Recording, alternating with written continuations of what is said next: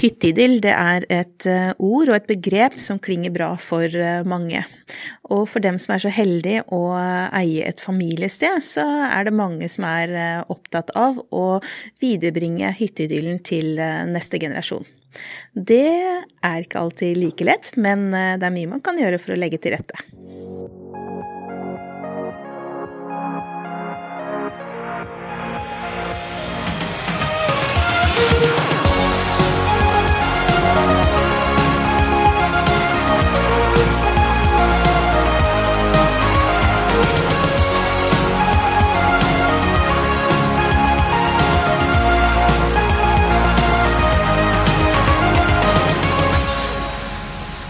Velkommen til Tennencast, Tennenkast, en eh, podkast som tar for seg ulike temaer innenfor familie og arverett. Og i studio her i dag er som vanlig advokat eh, Kristen Nagerup. Hei. Advokat Hanne Skram Espeland. Hei, hei. Og meg selv, advokat Lene Marie Aas Torstensen. Og Dagens tema det er eh, hytteidyll gjennom generasjoner. Men eh, når vi er først eh, inne på ordet idyll, da, så har jeg litt lyst til å si at det er ganske idyllisk å sitte her i dag også. fordi at nå, for dere som kjenner oss, så vet dere at vi har en podkast som vi har holdt på med lenge. Men vi har hatt en lang, lang, lang pause pga. koronapandemien. Men nå er vi tilbake igjen. Det er, det er veldig godt. Det yes. føles godt å sitte tett rundt et bord og, og, snakke sammen igjen. Men for dere som ikke kjenner oss da, igjen, så er det sånn at vi jobber i Tennen advokatfirma. Eh, og vi har familie og arverett som vårt spesialfelt. Ja, hytteidyll. Eh, mange er jo som nevnt opptatt av å beholde familiestedet i eh, familien gjennom generasjoner. Og da oppstår jo gjerne da spørsmål om man bør overføre hytta til eh, neste generasjon mens man lever, eller om man skal vente til man dør. Uansett så er det veldig ofte viktig for den som eier en eiendom å legge til rette for at det ikke skal bli uvennskap eh, og dårlig stemning når neste generasjon eh, overtar. Og det er det mange ting man kan gjøre for å legge til rette for. Det som er viktig, er at man inngår både tydelige og klare avtaler, og at man også avklarer forventninger som neste generasjon har. Og det er jo noe av det vi skal snakke om i dag. Vi skal snakke om eh, både det å overføre eiendom i levende livet og ved død. Hva er eh, fordelen med å overføre eiendom i levende livet, da? Ja, fordeler, det kan selvfølgelig være mange fordeler ved, fordeler ved å overføre mens man lever. Uh, og så kan det være noen utfordringer også. Men det som kanskje er, er, viktig å tenke på, hvis man gjør det mens man lever, så har man jo kontroll over prosessen. Man kan legge noen føringer for hvordan bruken skal være, hvordan fordelingen skal være hvis det er flere barn. Eh, I det hele tatt. Man, eh, og så har man også mulighet til å la det gå litt gradvis. Eh, kanskje den eldste generasjonen vil slippe mer vedlikehold og kan slippe til barna mer på det, så får de gradvis et mer eierforhold og blir involvert. Det kan jo borge for at det kan være i familien en generasjon til. For meg høres det ut som mange fordeler, Kristen. ja, absolutt. Men, men ja. Eh, for å ta tak i det ene du nevnte. Du nevnte det med at man eh, kan fordele litt. Eh, det er jo kanskje en fordel, klar fordel man har når man eh, gir fra seg noe i levende livet som eh, man ikke har når man er død. Kanskje du kan si litt nærmere om det? Ja, fordi man man er, jo ikke bundet av disse pliktdelsreglene i arveloven så lenge man gjør dette mens man lever. Og det da er det jo sånn at alle barna må ikke nødvendigvis få likt uh, hvis man ønsker en annen ordning. Uh, det er jo ikke alltid det er å anbefale, men, men, det er ikke noe krav i loven om likebehandling så lenge man gjør ting mens man lever. Jeg er helt enig med Kristen at det kan være en, en stor fordel at man kommer liksom gradvis til det, som den uh, yngre generasjonen, og at seniorgenerasjonen kanskje har litt mer kontroll på hytteidyllen fremover, da, og kan uh, sikkert eh, lære junior om en og annet. Selv om det sikkert kanskje ikke alltid vil være sånn 100 eh, idyllisk, kanskje. Men, men, jeg tror det kan være, være, en stor fordel. Og så er det sikkert vanskelig å gi slipp på en hytteeiendom også. At man føler at man gir fra seg det helt hvis man skal overføre det 100% sånn at man kanskje kan eie litt sammen, eller at det er en flytende overgang, tror jeg kan være en, en stor fordel. Men det du er inne på der, Hanne, det er veldig viktig. Vi ser jo ofte at klienter som kommer til oss, de er jo veldig opptatt av at de skal unngå konflikter i neste generasjon. Det er liksom hele hensikten. Hvordan legge til rette for at det skal bli sånn som man ønsker at det skal være, men samtidig unngå konflikter. Og det er klart at ved en sånn glidende overgang så vil jo da eh, foreldregenerasjonen, da, eller senior om ikke det er foreldre, eh, sitte med hendene på rattet, eh, og vil jo da også se om det er rett og slett liv laga for et sameie for neste generasjon. Eh, mm. Og på den måten unngå konflikter, og kanskje da styre eh, familieidyllen da, mm. eh, på rett sted og, og når man da kanskje på sikt kanskje er klar for å gi fra seg denne idyllen videre, da, så kan man også forbeholde seg en bruksrett selv til, eh, til seniorgenerasjonen hvis man ønsker det. Men da må man jo være obs på at man, den bruksretten da helst ikke skal være mer enn ca. fire uker, um, for å være trygg i forhold til mulig gjeninnføring av arveavgift og andre ting. Men det er også en fin, fin måte som en sånn neste skritt, da. Etter at man har testet dette ut og sett at det fungerer, så kan man da overlate vedlikehold og ansvar og økonomisk og alt til neste generasjon, men likevel bare ha denne bruksretten som man bare har på en måte glede av hytteidyllen, da. Mm. Og det, det, er jo veldig, en veldig fin ordning.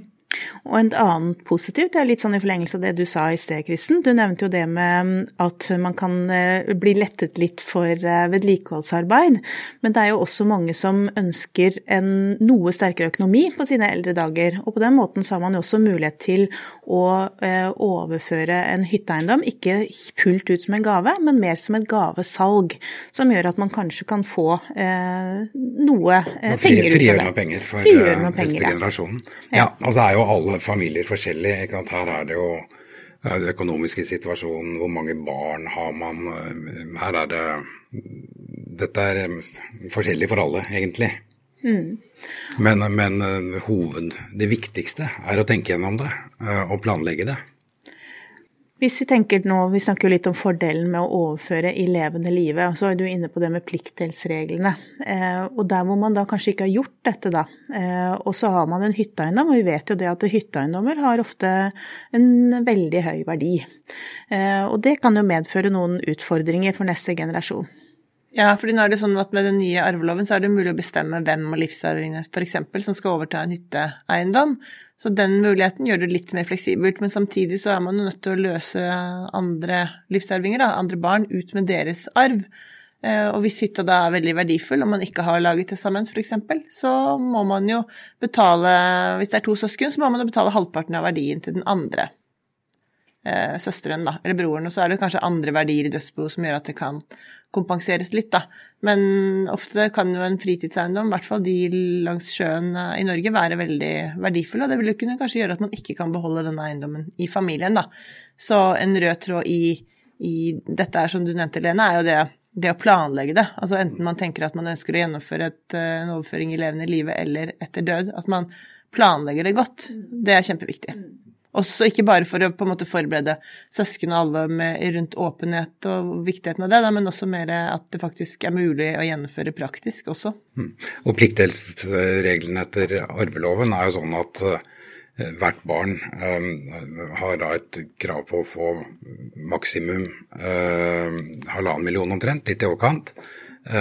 Så hvis man er villig til å gjøre forskjell på barna, så kan man si at noen får denne pliktdelsarven på halvannen million, mens én får hytta. Mm. Mm.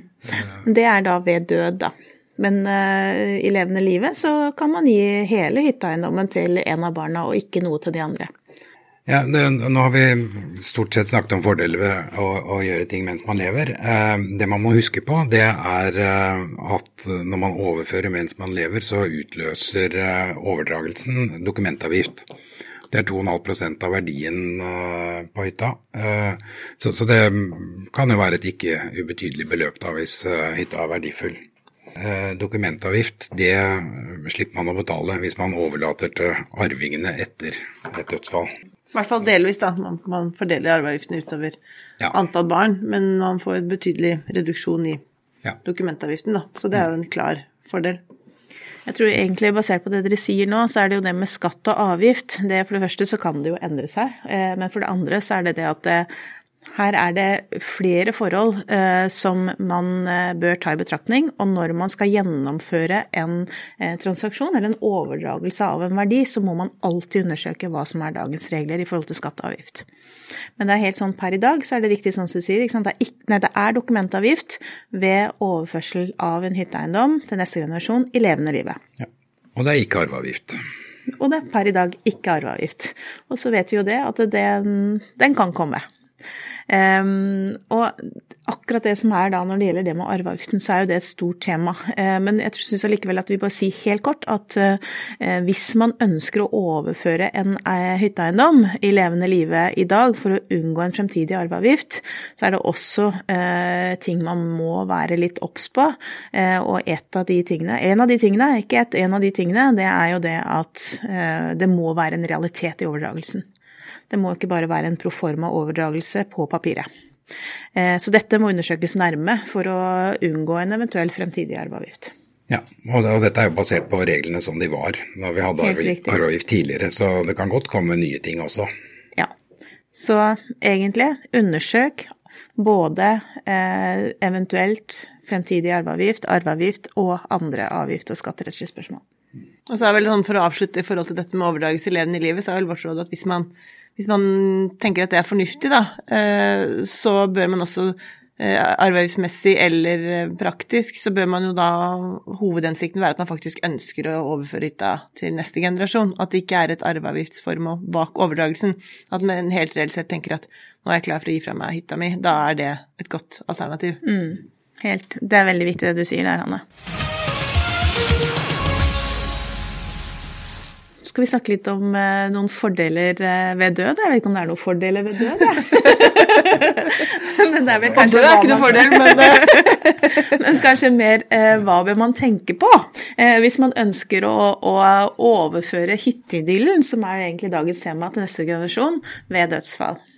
Det er i hvert fall fornuftig, som jeg nevnte i stad, dette med at det er planlagt. Så hvis man syns at det ikke er hensiktsmessig å overføre levende livet, at man ønsker full kontroll mens man lever, så vil jo i hvert fall vi anbefale at man legger en, en, god plan for en overføring ved død, og da at man lager et uh, testament, og at man kanskje gjerne skriver noe om hvem som skal overta hytta, og hvorfor. Eh, forklare litt hva man har tenkt rundt det, for da er det mye lettere å forstå. Hvis dette, Ofte er det følsomt, man har mange gode minner fra, fra hytteidyllen fra barndommen, og kanskje det er flere søsken som ønsker å overta. Hvis man da har bestemt at det er eh, bror som skal overta, så er det kanskje lettere for søster å forstå det hvis det står noe i testamentet om det. Kanskje bør man kanskje ta praten mens man lever om det og man har laget testament, men hvis man syns det er vanskelig, så bør man i hvert fall skrive det ned, da, og legge noen føringer for det. For man kan jo legge litt føringer i et testament også, hvis man ønsker det. Man kan jo gjøre i testament faktisk lage en full eh, sånn sameieavtale som regulerer uh, i prinsippet alt om hvordan det skal være. Alt fra vedlikehold, vedlikeholdsutgifter, om det skal være noen forkjøpsretter. Alle sånne ting kan man ta inn i et testament også, sånn som man kanskje naturlig hører hjemme i en uh, sameieavtale. Da. Mm, ja, for da tenker du at man testamenterer til både bror og søster, f.eks., og da kan man jo skrive at uh, i testamentet at det er en forutsetning for for testasjonen at de inngår en sameavtale på de og de premissene. ikke sant? Og Da kan man jo legge føringer som sikrer at hytta forblir i, i familien, da. Ja. Det, er jo en, det er jo veldig fornuftig å gjøre. For da har man jo lagt kanskje lagt noen føringer da, som gjør at det er enklere å, å, ta det over. Så kan man skyve, skyve, de føringene over på foreldrene, på en måte, mer enn at man har tatt, tatt, uh, tatt de standpunktene selv. Uh, som kanskje kan være vanskelig, da. For det er jo ofte små ting som kan tippe et lass. Og det dere nevner nå, det er jo ikke uvanlig. Det er faktisk eh, mer og mer vanlig at eh, foreldre eller eiere av en hytte eh, i testamentet legger disse føringene for en sameieavtale, sameiavtale, nettopp for å unngå en konflikt, eh, og også for det å ivareta ønske om å faktisk beholde hytteeiendommen eh, så lenge man lever, og bruke den på, på, egne vilkår så lenge man lever. Eh, så dette er på en måte en, også veldig, en veldig, veldig god mulighet for å, å unngå sameietvister mellom nye eiere, neste generasjon. Og nå er vi jo egentlig inne på et tema som, som, er egentlig kanskje nøkkelen til suksess når man skal eie noe sammen, og det er jo en, rett og slett en sameieavtale. Og dette er noe man bør få hjelp til.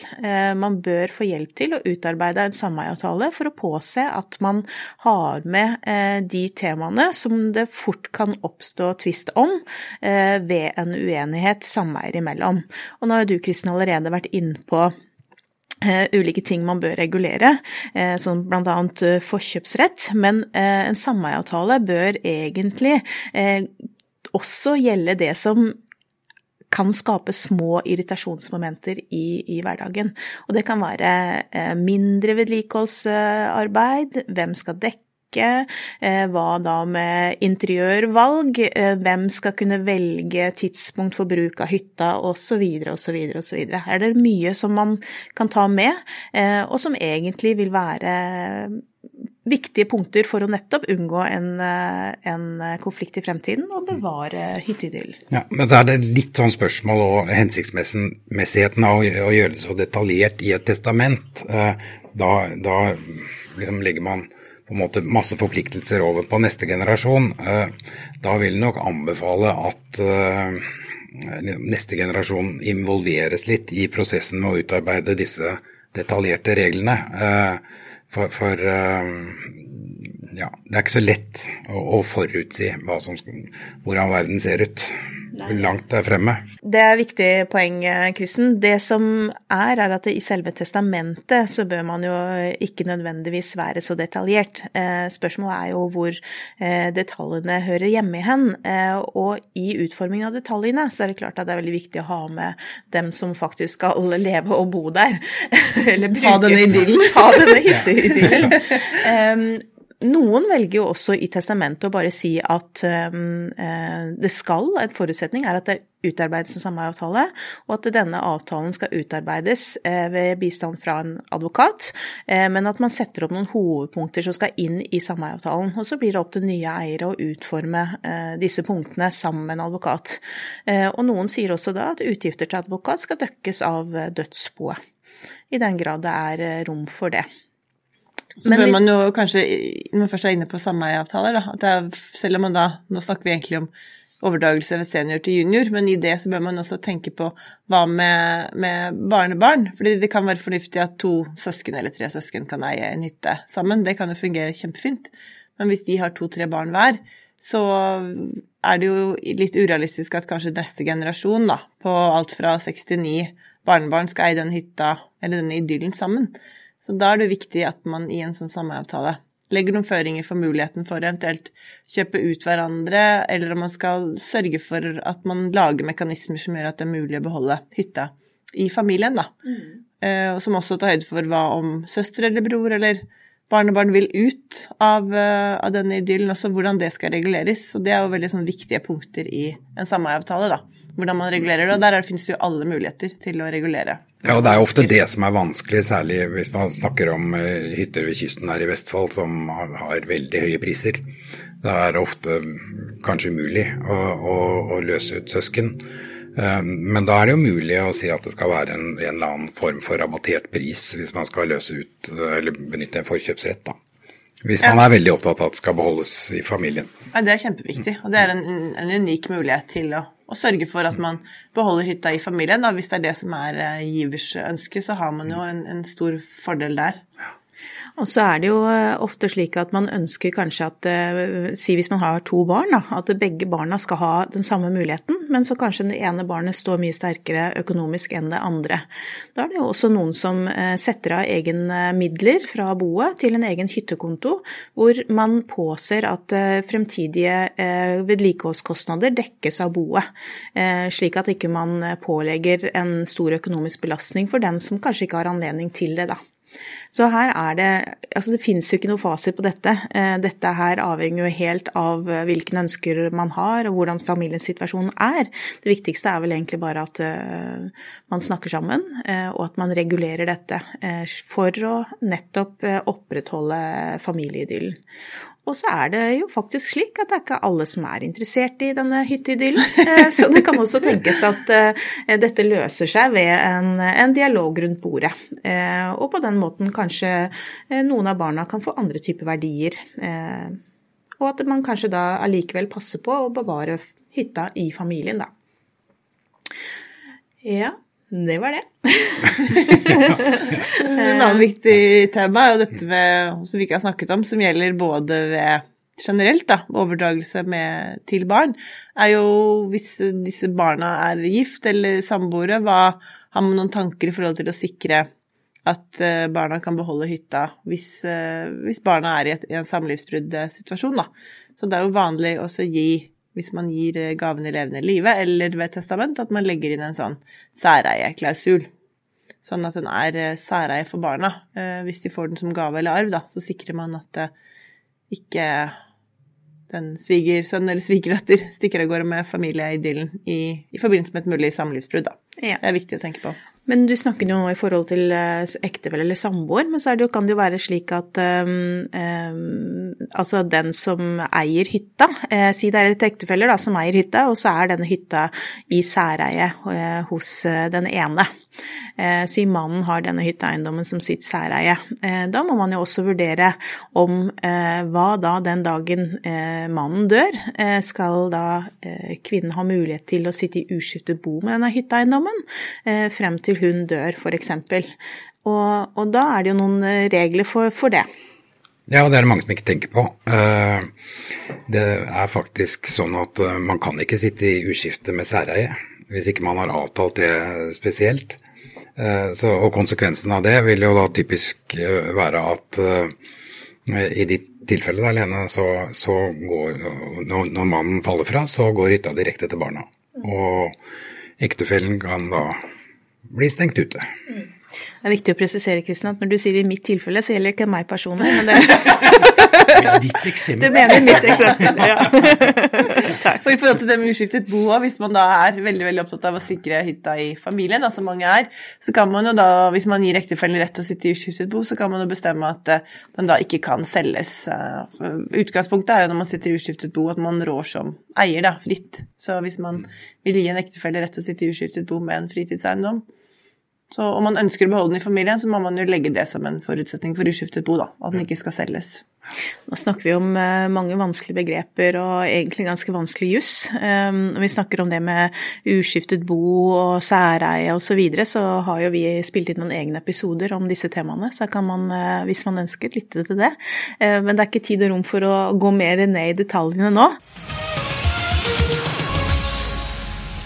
Nei, dagens tema det er jo hytteidyll, eh, og jeg tenker at vi skal egentlig avslutte Det er så mye man kan snakke om når man er inne på temaet idyll, men jeg tror vi må avslutte nå. Men jeg har lyst til å oppsummere um, egentlig med noe av det som er det viktigste. Ikke bare i forhold til det med, med å overføre en hytteeiendom, men også uh, andre verdier i et generasjonsskifte, og det er det med åpenhet og dialog det er altså nøkkelen til eh, et eh, konfliktløst arveoppgjør. Det er nettopp åpenhet og dialog, fordi vi vet jo det at eh, konflikter det er gjerne brutte forventninger. Og i et dødsbo så ser vi ofte at det det er knyttet sterkest følelser til, det er gjerne en hytteeiendom. Det er der man har eh, kanskje hatt sitt første kyss, og man har hatt eh, sine barndomssomre. Det er masse følelser knytta til hytteeiendom. Så snakk sammen, eh, legg planer for fremtiden, og forsøk å legge til rette vi anbefaler vel egentlig at om man ikke lager et testament, eh, så bør man eh, vurdere å inngå en eh, sameieavtale og overdra levende livet. Og hvis man ikke gjør det, så bør man legge til rette ved som sagt testamentet med å henvise til behov for en sameieavtale, og kanskje ta med punktene om hva som dette sameiet skal dreie seg om, og hvordan det skal gjøres. Absolutt. Og så kan man kanskje også lage en familieavtale, f.eks alle i familien, hvis man blir enige om noe alle sammen i levende liv om hvordan dette skal være. Kan det være en mulighet? Ja, og involver gjerne alle, alle, søsken, selv om det er noen av de som ikke skal kanskje overta denne fritidsboligen. Mm, så kan det være lurt. Når du sier familieavtale, så er det gjerne med, mm. med alle. Bra presisering. Bruk tid og lytt, og la det synke inn. Eh, Det er vel også et eh, annet godt råd. Jeg tenker vi skal avslutte med det, ja. Se hvor lenge idyllen er her. Takk for nå. Takk for nå.